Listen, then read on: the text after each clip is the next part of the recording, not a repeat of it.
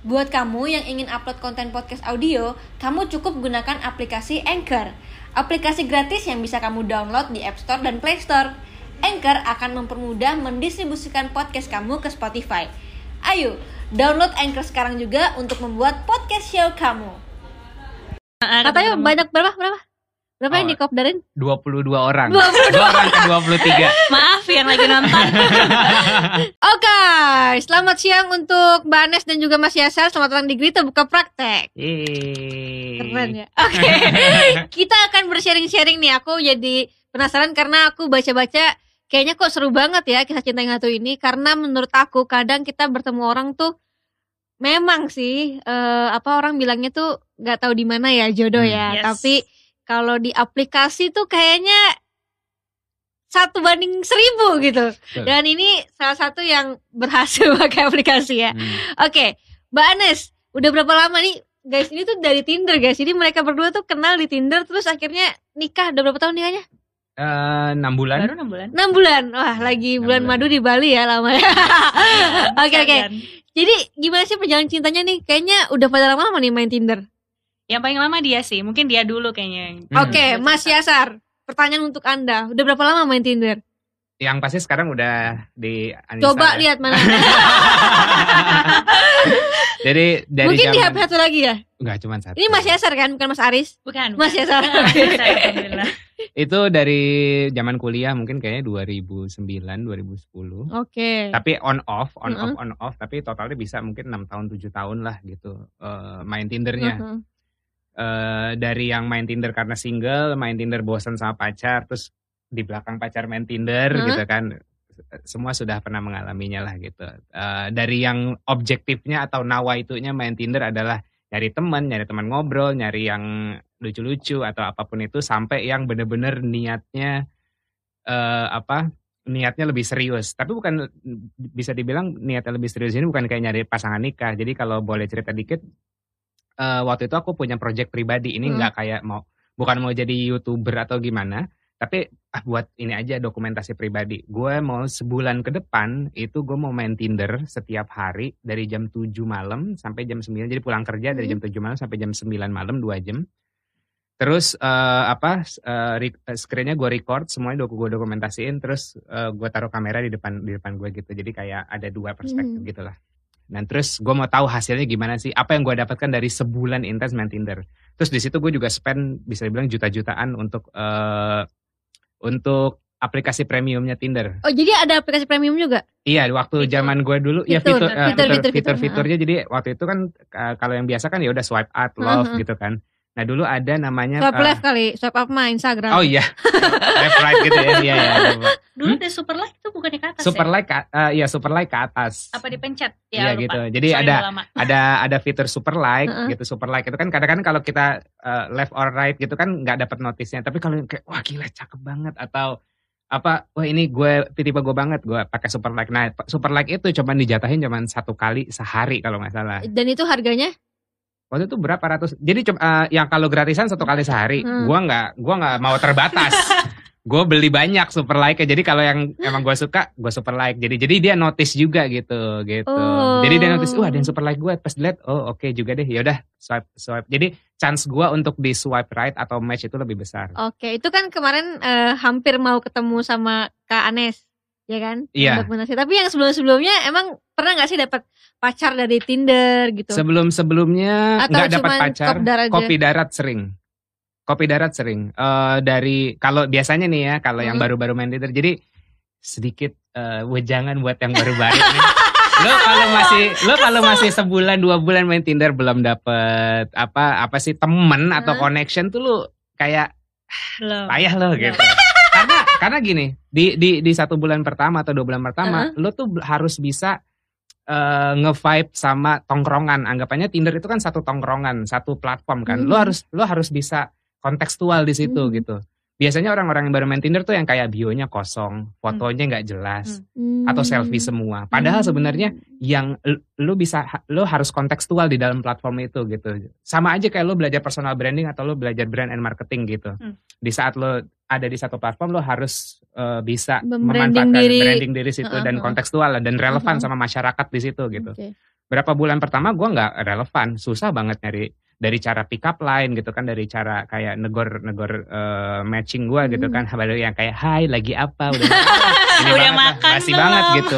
Sampai yang akhirnya oh gimana nih metode yang gue bisa di notice atau gue bisa ngobrol? Gue baca dulu profilnya Hmm. gue lihat dulu value-value hidupnya. Maksudnya kan dia pasti nulis kayak oh gue traveler oh gue apa gue apa. Terus lihat fotonya oh fotonya dia misalnya punya kucing eh kucingnya lucu misalnya gitu kan. Jadi emang harus dilihat Approach-nya juga approach-nya beda-beda. per per, per Ya, akun ya, yang ya, kita ya. match itu. Dan itu nggak bisa sebulan dua bulan pertama kecuali memang lo punya uh, Punya uh, social social skill yang tinggi gitu ya.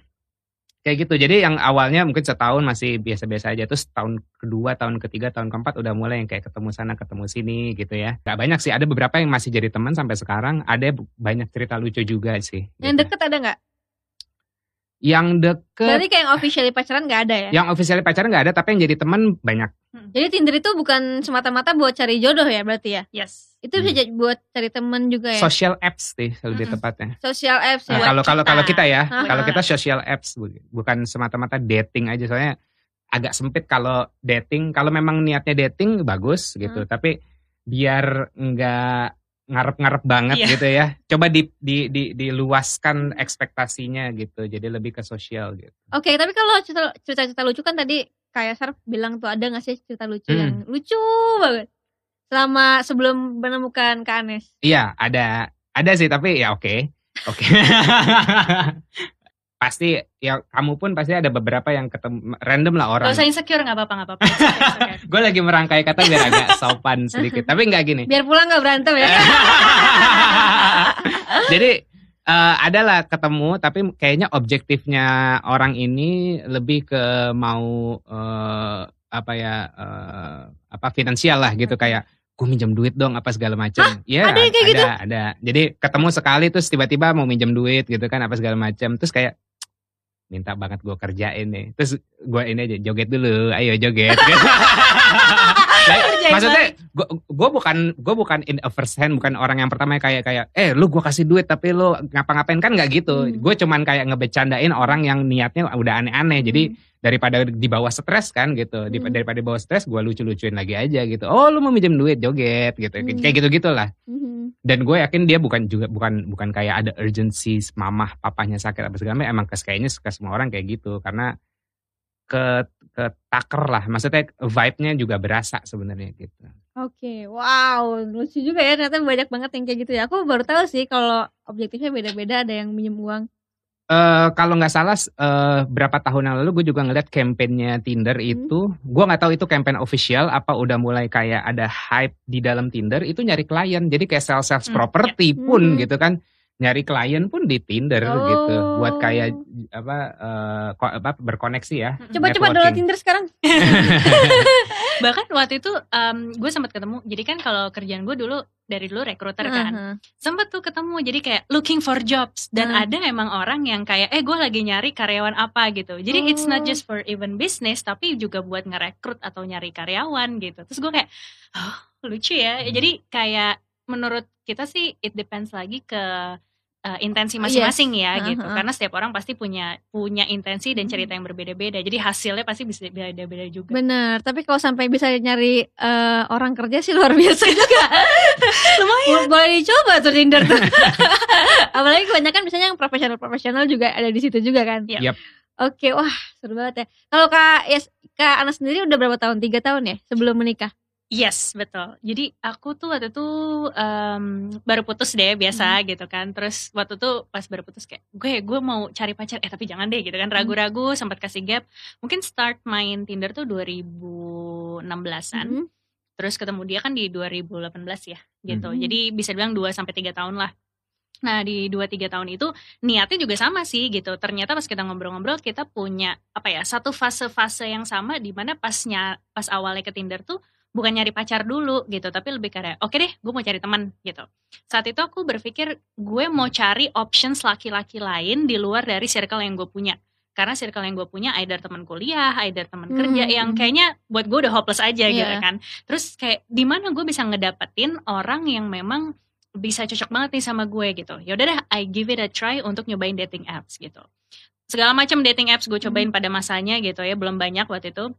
Tapi kemudian eh, yang paling bertahan waktu itu memang Tinder gitu. Karena simple aja sih kanan kiri kanan kiri gitu kan. Terus kemudian orang-orangnya pada masa itu ya menurut aku sih cukup berkualitas gitu. Dan em, apa namanya aku juga pilih-pilihnya yang berkualitasnya. Nah setelah mulai dari cari temen ada fasenya lagi kayak eh ya udah deh gitu. Kayaknya eh, udah lumayan nih prospektusnya gitu kan kita coba cari yang agak-agak bisa nih gitu kan di, di lebih jauhin gitu Jadi Terus- di, di di filter dulu ya, banyakin dulu terus habis itu di filter. Yes, kayak ini ya, lagi. kayak marketing funnel Kayak gitu marketing ya. Oke. Oke.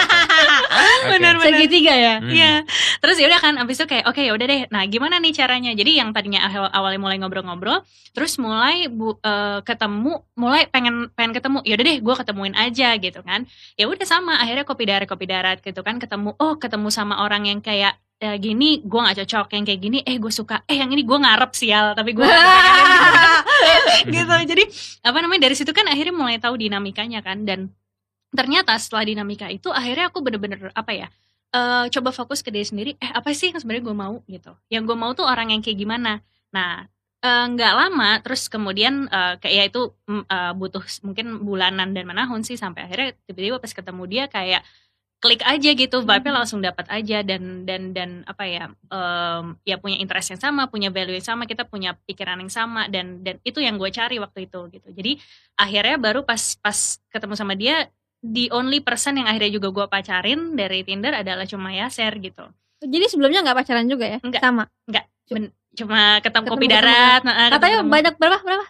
Berapa yang Oh. di kopdarin? 22 orang. 22. Dua orang ke 23. maaf yang lagi nonton pada Oke, saat itu tapi tapi sebagai seorang yang mungkin eh, kan berarti kan di umur yang waktu itu mungkin udah nggak muda lagi ya kan maksud Tinder maksudnya kan dari banyak banget orang-orang yang dari muda pengen coba Tinder kalau kayak saya sama Kanes kayaknya aku lihat udah dewasa pun maksudnya mau mau main Tinder gitu apa sih yang bikin pengen main Tinder gitu Em, mungkin harus di ini dulu kali ya buatku waktu itu aku eh, bukan pengen main Tindernya tapi aku set intention aku dulu gitu. Gue tuh mau ngapain gitu oke waktu itu baru putus dari dari pacar gitu kan kayak ih pilihan laki-laki gue kok ini ini aja nih gitu kan sempit gitu kayak itu itu aja. Terus gue ngerasa kok laki-laki di sekitar gue nggak ada yang berkualitas gitu.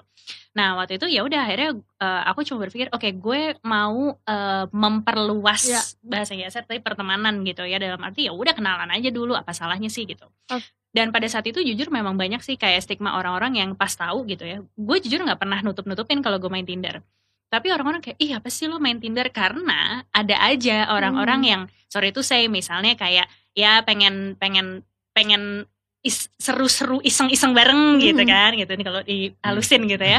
Terus atau enggak kalau nggak pun kayak ada aja yang memang mau taaruf gitu kan bener-bener diverse banget orangnya gitu. Nah jadi dari situ em, yang aku pahamin akhirnya adalah set intention dulu lo mau ngapain baru kemudian di situ ya lo juga harus komunikasiin itu yang tadi Yasir bilang kayak branding and marketing akhirnya bikin profilnya kayak gimana Iya, dan iya. lain-lain gitu sih Oke, tapi kan eh, sebagai perempuan ya, Ya. sebagai perempuan aku lihat kan mungkin eh, banyak juga yang mungkin eh, takut gitu kan, takut ini kan orang baru, Hmm. terus kita eh, mau ketemu Hmm. kopdar, kopdar tuh maksudnya eh, berdua atau rame-rame sih? berdua Berdua. jadi ketemu di- Nah, kayak di kafe iya, atau makan Oh ya, gitu walaupun itu di tempat umum, tapi kan ini the first first eh, met gitu ya, Ya. ketemu pertama, itu nggak takut?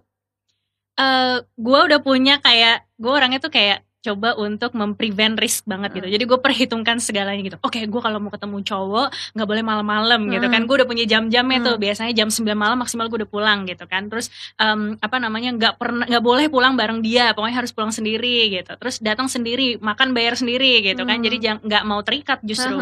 Saat itu aku berpikir kayak ya gue juga harus punya prinsip gitu. Even even gue secewek gitu, gue juga mau ya lu nggak bisa semena-mena sama gue gitu dan gue bukan tipe sorry misalnya ada cewek-cewek yang, yang mintanya dibayar bayarin Hmm. aja gitu enggak nah justru aku kasih statement kayak gitu dari awal dan aku pengen lihat responnya Hmm. jadi kalau misalnya memang masih takut coba aja lu eh, apa ya maksudnya kalau waktu itu aku mikir I, I try to discover apa yang kira-kira membuat aku nyaman dan aku selalu mencari tempat publik misalnya kayak di mall Iya, iya. atau misalnya kafe terus eh, yang dekat rumah gitu kan Eh, terus kemudian kayak pokoknya eh, aku eh, pastiin bahwa aku berangkat sendiri dan aku pulang sendiri gitu nggak mau nggak mau untuk diantar jemputin sama mereka gitu unless benar-benar suka banget gitu Hmm. ya terus kemudian Oh pernah berarti ya dianterin? ada pernah Malah waktu first date kita, dia yang nganterin gue pakai mobil.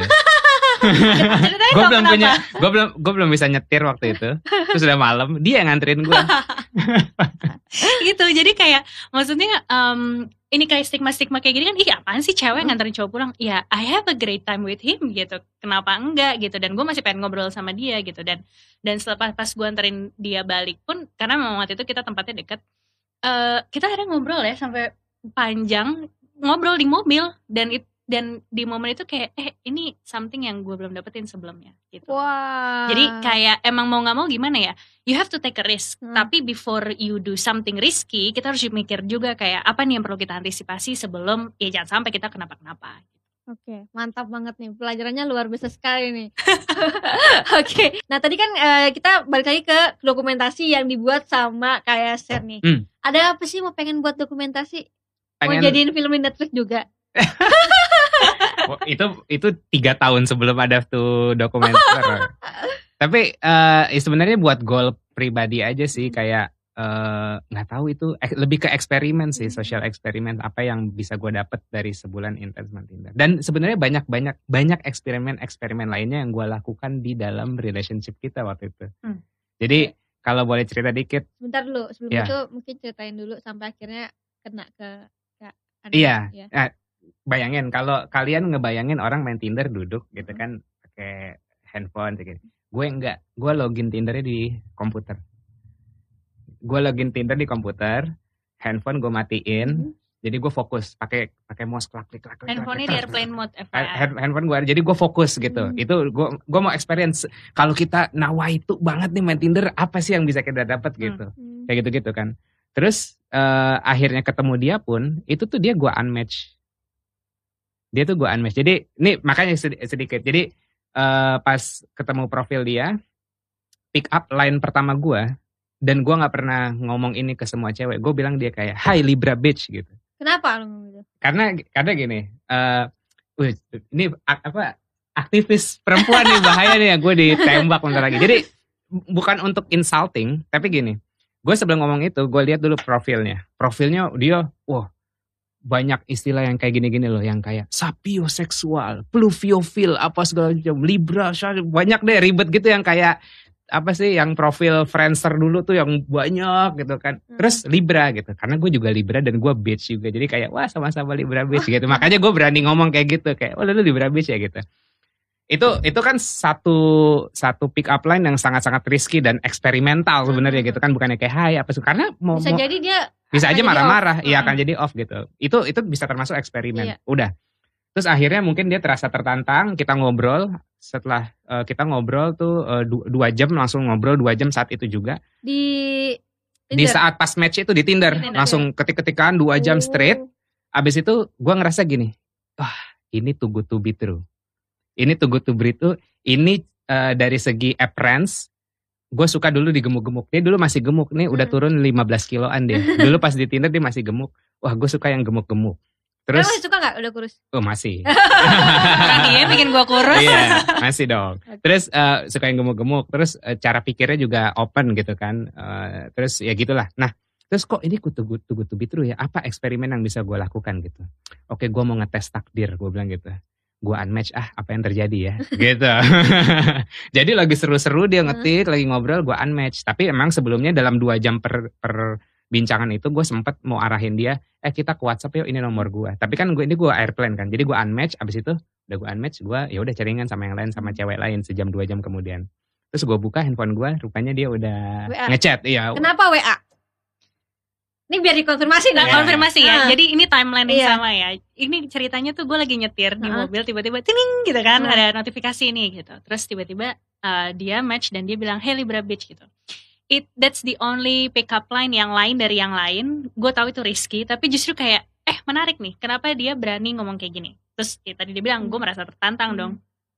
Mohon maaf nih siapa nih? Gue langsung gue kepoin kan segala macam. Sambil nyetir tuh gue malam-malam gitu kan baru balik dari kantor gitu. Terus uh, gue liatin dan segala macam gitu. Terus akhirnya kita ngobrol. uh, dia sempat ngomentarin salah satu yang ada di bio gitu. Di bio tuh dia kan aku Oh, sempat iya. bilang uh, Ingat. sapioseksual gitu kan. Waktu itu dia bilang kayak kecerdasan gitu kan. Terus gue ngerasa ih kok kayaknya kita uh, kita punya perbedaan persepsi tapi gue pengen ngejelasin sama dia.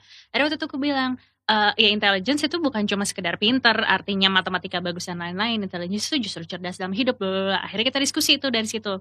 Dah gitu sambil nyetir, sambil macet-macetan gitu kan. Ada satu momen di mana pas dia lagi ngerasa itu good to be true. eh terus tiba-tiba gue lagi asik-asik ngetik gitu kan. Gue lagi kayak, wah lagi semangat banget gitu. Ih kesel banget dia ngomongin apa gitu kan. Kayak tertantang gitu. Terus gue kayak, oke ya udah tiba-tiba hilang. Terus gue kayak, kenapa nih? Gitu kan. Terus gue cari kan kayak gue buka gue restart terus kayak ah kok hilang? Gitu kan. Gue panas banget dong.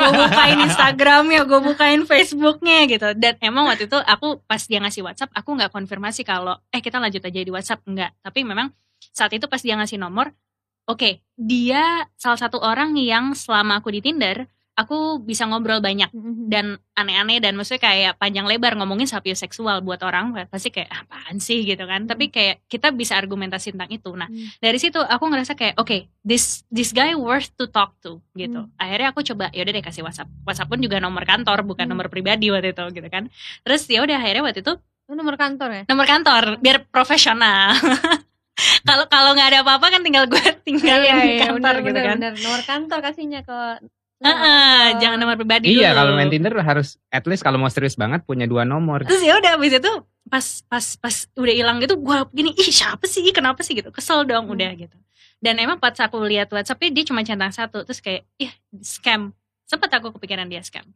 udah akhirnya Padahal gue lagi chattingan sama cewek lain. Iya.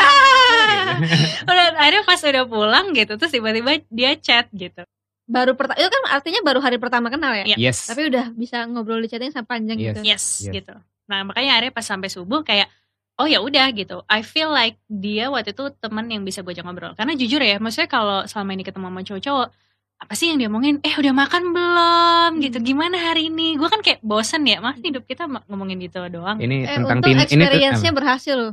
Oh iya, itu. Ini kalau udah nikah jangan experience lagi. ah, jangan.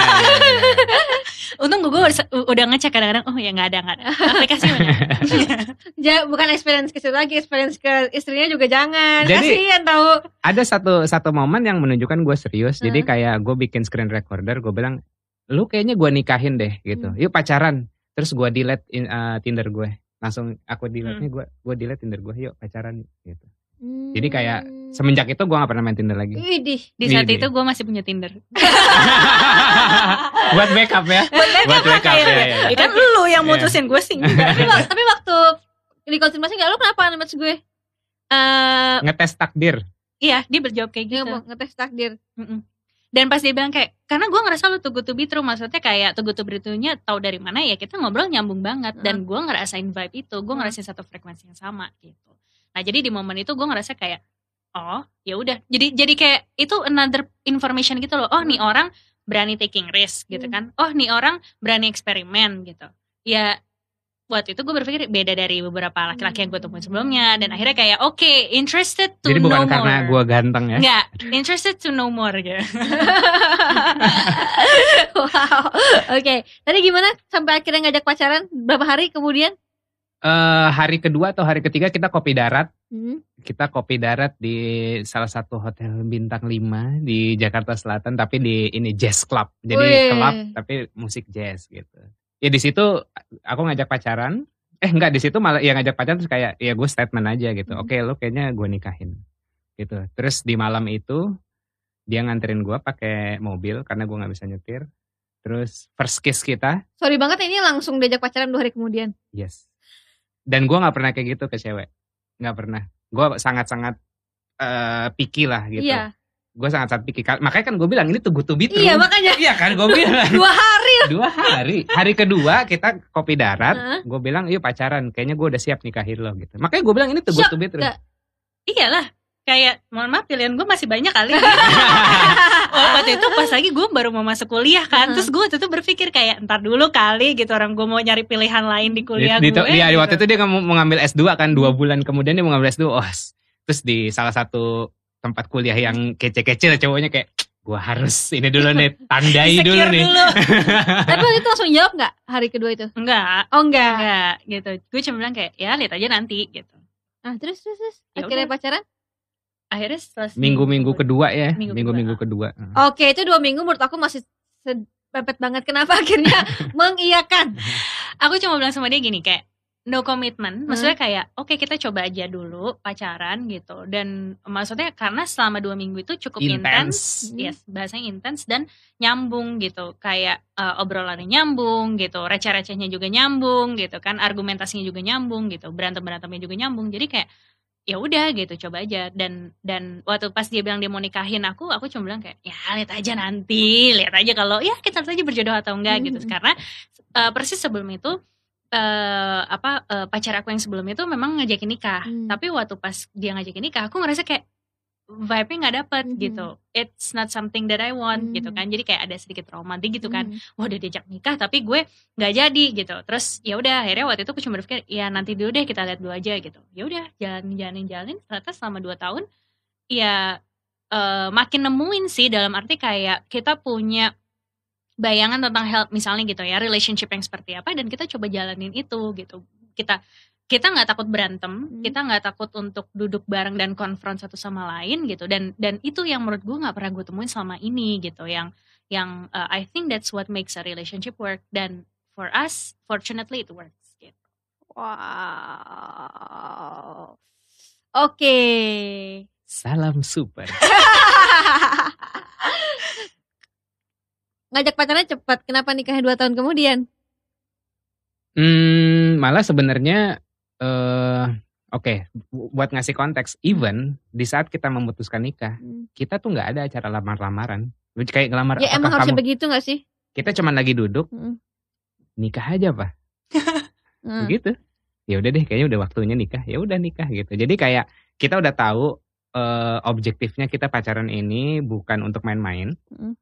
tapi kayak timelinenya misalnya setahun lagi dua tahun lagi kita nggak nggak ini pokoknya di saat klik oke kita decision making gitu jadi kadang-kadang kalau kita udah mengconcretize udah kayak kayak oke dua tahun lagi target gini kadang-kadang malah Hmm. jadi limit limit iya. gitu perjalanannya jadi terlimitasi gitu Hmm. kita enjoy the journey Hmm. tapi di saat klik ya udah kita decision making gitu Oke. Tadi mau cerita first kiss gimana? Oh ya yep first kiss Hmm. first kiss itu gue minta izin jadi karena dia udah nganterin gue gitu kan nggak mungkin dong gue sosor kurang ajar gitu. Dia kan dia udah nganterin gitu kan.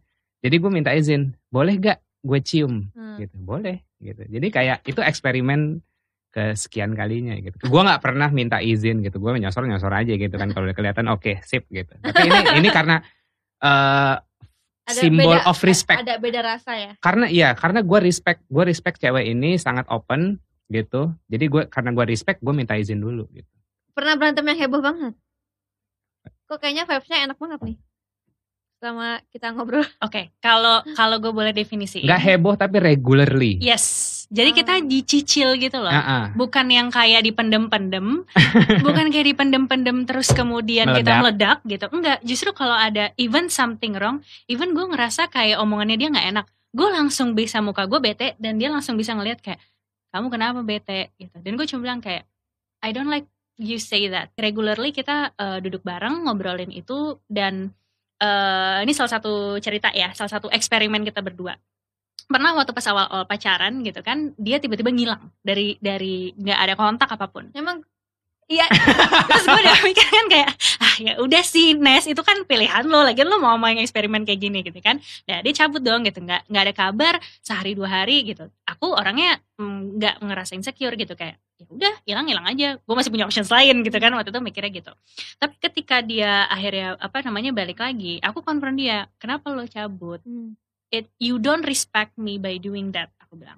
Kalau kamu memang menghargai aku maka kamu sebaiknya kasih tahu aku emang apa salahnya? Nah dia rupanya waktu itu ngerasa dia overwhelmed karena kita lagi intens ketemu bareng terus dia kayak gue um, punya space buat diri gue sendiri yes. tapi gue nggak ngomong jadi gue tinggal ngilang aja uh, uh, nah dia kebetulan Hmm. sama uh, di relationship sebelumnya gitu dia memang uh, apa namanya kayak um, apa Attach terikat banget. gitu, kayak eh, Nah, sedangkan gue bukan orang yang attach banget gitu. Justru gue kayak lu have lah your own time. I I do want my own me time juga gitu. Jadi gue ngerasa ya kalau gue mau butuh me time ya gue pasti akan minta.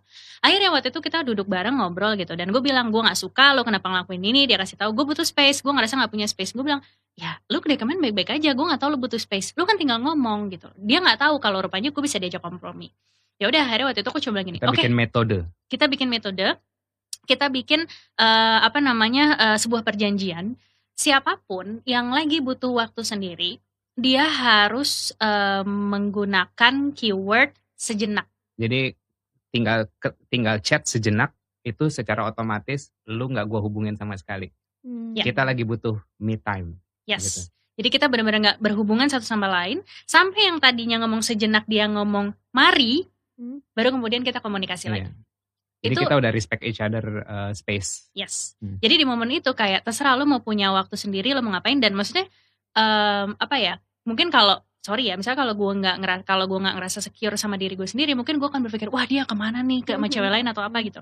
Enggak, justru gue selalu value kalau lo ngomong sama gue, ya gue akan kasih gue akan kasih kepercayaan ke lo. Tapi kalau lo break kepercayaan gue, ya itu tanggung jawab lo gitu kan. Nah itu sih kayak the kind of responsibility, uh, the kind of um, uh, respecting each other itu yang kita coba eksperimen terus gitu. Jadi salah satu metode itu yang akhirnya juga ngebuat kita apa ya ngerasa bahwa oh ternyata kita bisa ya duduk bareng ngomongin apa dan dan I don't know buat gue sih gue ngerasa ini healthy relationship dibandingin se- uh, sama sebelum-sebelumnya ya gitu. Jadi gue ngerasa kayak gue bebas menjadi diri gue padanya, gue nggak takut buat nangis, gue nggak takut buat marah, uh, all kinds of emotions. Malah dia ngebantu gue untuk kayak Keluarin, keluarin. nangis, ayo. nangis, ayo Keluarin, nangis, keluarin, nangis gitu. keluarin, Wih. gitu. Jadi gue kadang-kadang suka nangis-nangis sama dia sampai kita tuh mikir gini, nih orang kalau ngeliat kita ya pasti kayak lu udah kesannya jahat banget gara-gara gue gampang banget nangis-nangis gitu. Padahal gue nangis kadang-kadang bukan gara-gara dia.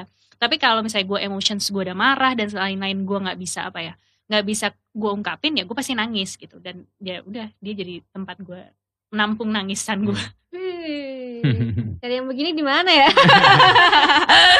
Di Tinder Iya. Oke, tapi Tinder tuh sekarang katanya ada yang eh, tapi udah nggak main ya? nggak? Udah nggak main ya? Bener. Kemarin sempat kita cek Hmm. dan kayaknya fiturnya makin, makin secure banyak sih. karena sekarang ada Uh-uh. yang verified tuh. Kayak sekarang kan banyak tuh kayak aplikasi gitu verifiednya sebenarnya kan pakai selfie. Nah, itu Hmm. Tinder juga udah ada sekarang. Pakai Mhm. selfie terus fotonya disamain tuh sama foto di profile picture sama enggak. Jadi Hmm, itu hmm. bisa memfilter lagi lah ya. Sebe- harusnya dengan fitur kayak gitu, cerita-cerita kayak kita akan jadi lebih banyak karena Hmm. orang makin bisa makin secure dan Benar. explore Yes. dia punya. Kalau dulu aja nggak ada nggak ada nggak ada fitur itu aja kalian bisa menemukan jodoh ini Yes. apalagi sekarang ya. yes, Yes. yes. Eh, tapi dulu pernah gak sih kalau di Tinder tuh ada cerita-cerita yang kayak eh apa? Eh Yang aneh-aneh gitu aneh-aneh lah ya. gitu. Ada. ketemu kopdar ada. Ada pasti ada. Secara 22 laki-laki kan ya gue temukan. Masa 22-nya oke-oke semua kan nggak mungkin Gak ya. mungkin dong gitu. Ada nih lucu banget.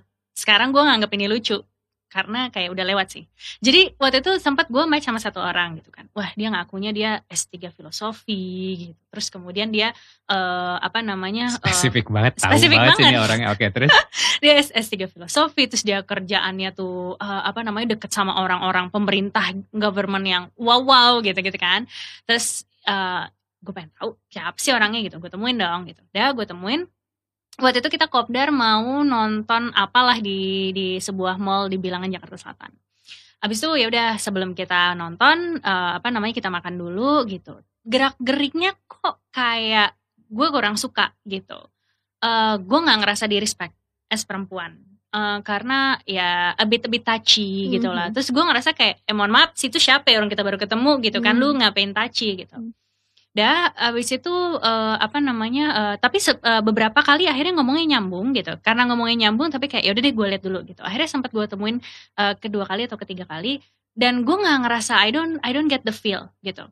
I don't get the feel dan gue ngerasa eh yaudah deh gue back off aja deh gitu.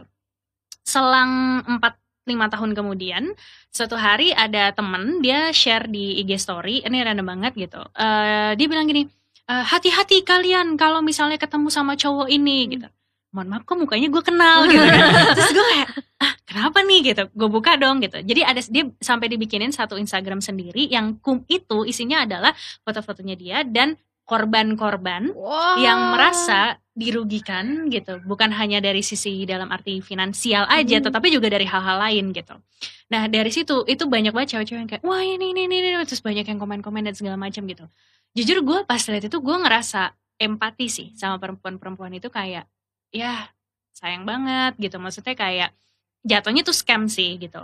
Eh, at that moment gue nggak realize kalau itu scam tapi gue punya gut feeling there's something wrong.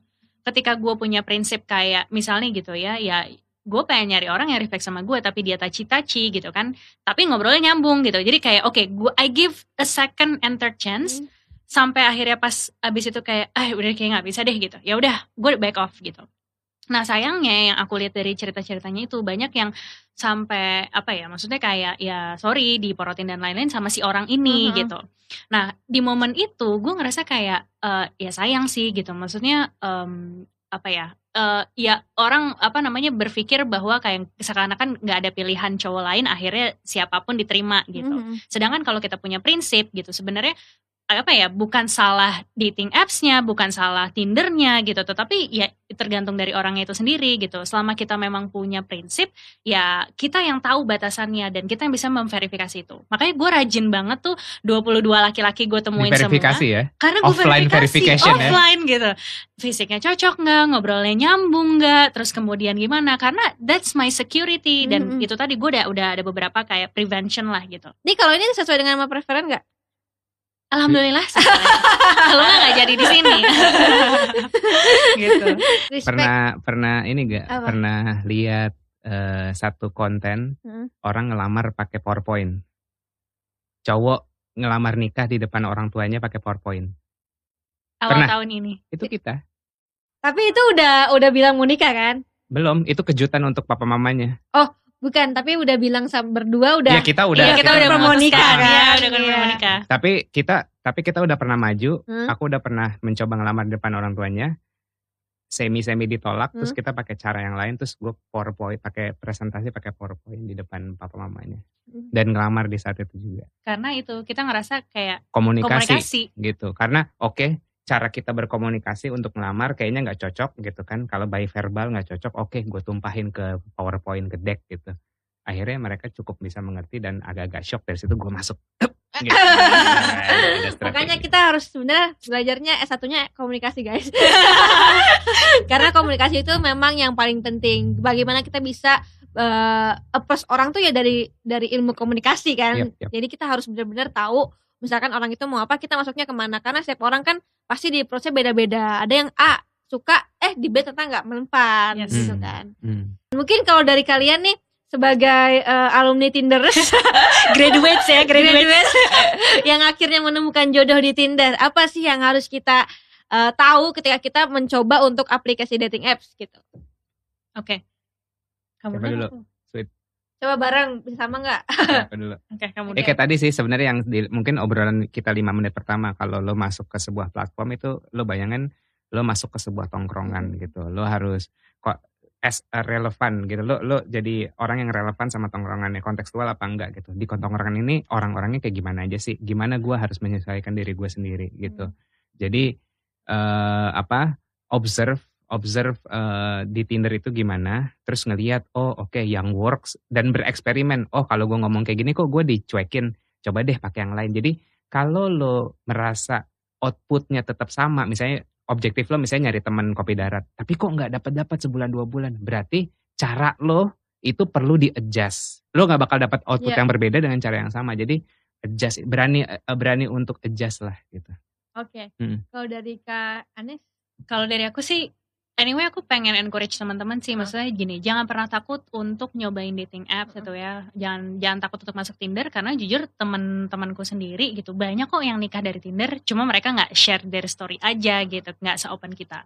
Jadi eh apa yang gue lihat akhirnya membuat orang tuh apa ya works out gitu ya dapat dapat eh, match dari Tinder itu adalah orang yang memang dia kenal sama dirinya dia sendiri orang yang tahu apa sih yang gue mau, intensi gue masuk ke sini tuh mau ngapain. Jadi kalau misalnya nih, gue mau cari teman, tapi terus kemudian ada yang ngechat, eh bobo bareng yuk, ya udah pasti ditolak dong, ya kan, gitu. Iya. Simply as that gitu. Jadi jangan jangan nyalahin kayak kenapa sih kok di situ orangnya gini-gini semua gitu. Jangan nyalahin orang lain, tapi coba aja lo fokus sama diri lo. Kalau lo memang nyarinya orang yang mau ngobrol bareng gitu, carilah orang yang artinya di profilnya misalnya wordy dan lain-lain gitu ya. dan display diri lo Yes, display Sepantas. diri lo sesuai dengan apa yang lo pengenin gitu. Jadi kalau boleh cerita sedikit waktu itu profil aku tuh kenapa yang tadi saya bilang gitu ya banyak banget tulisannya. Karena aku tuh mau nge-trigger orang, nih lu gua kasih segala Informasi. informasi. yang lo butuhkan untuk nanya tentang gue, untuk ngobrol sama gue. Kalau this is something that interest uh, to you gitu ya ayo kita ngobrol. Tapi kalau nggak udah swipe aja kayak kiri aja gitu. Gue nggak nggak nggak perlu gitu. Thank you banget sih gitu kalau misalnya gue pikir dengan dengan bantuan dari Tinder ada secure gitu as a, apa se, seorang perempuan pun kita ngerasa gue apalagi ya gue gue pas ngeliat itu kayak oh iya gue pasti lebih secure nih gitu. Hmm. karena kayak oh ini match nih dalam arti kayak memang udah verified Thank you Tinder. kita belum kita belum say thank you. Thank you loh sama Tinder Iya loh. loh. Terima kasih loh you, buat. Tinder. terima kasih Tinder kita sampai menikah Oke, thank you. Thank you. Thank Pleasure. you. Semoga teman-teman juga bisa mengambil positifnya dari semua ini dan bisa lebih eh verifikasi lagi lah ya. Oke, thank you. Thank you. thank you Nonton sampai habis ya. Makasih ya. Jangan lupa follow Instagram aku di sini dan nonton video lainnya di sini.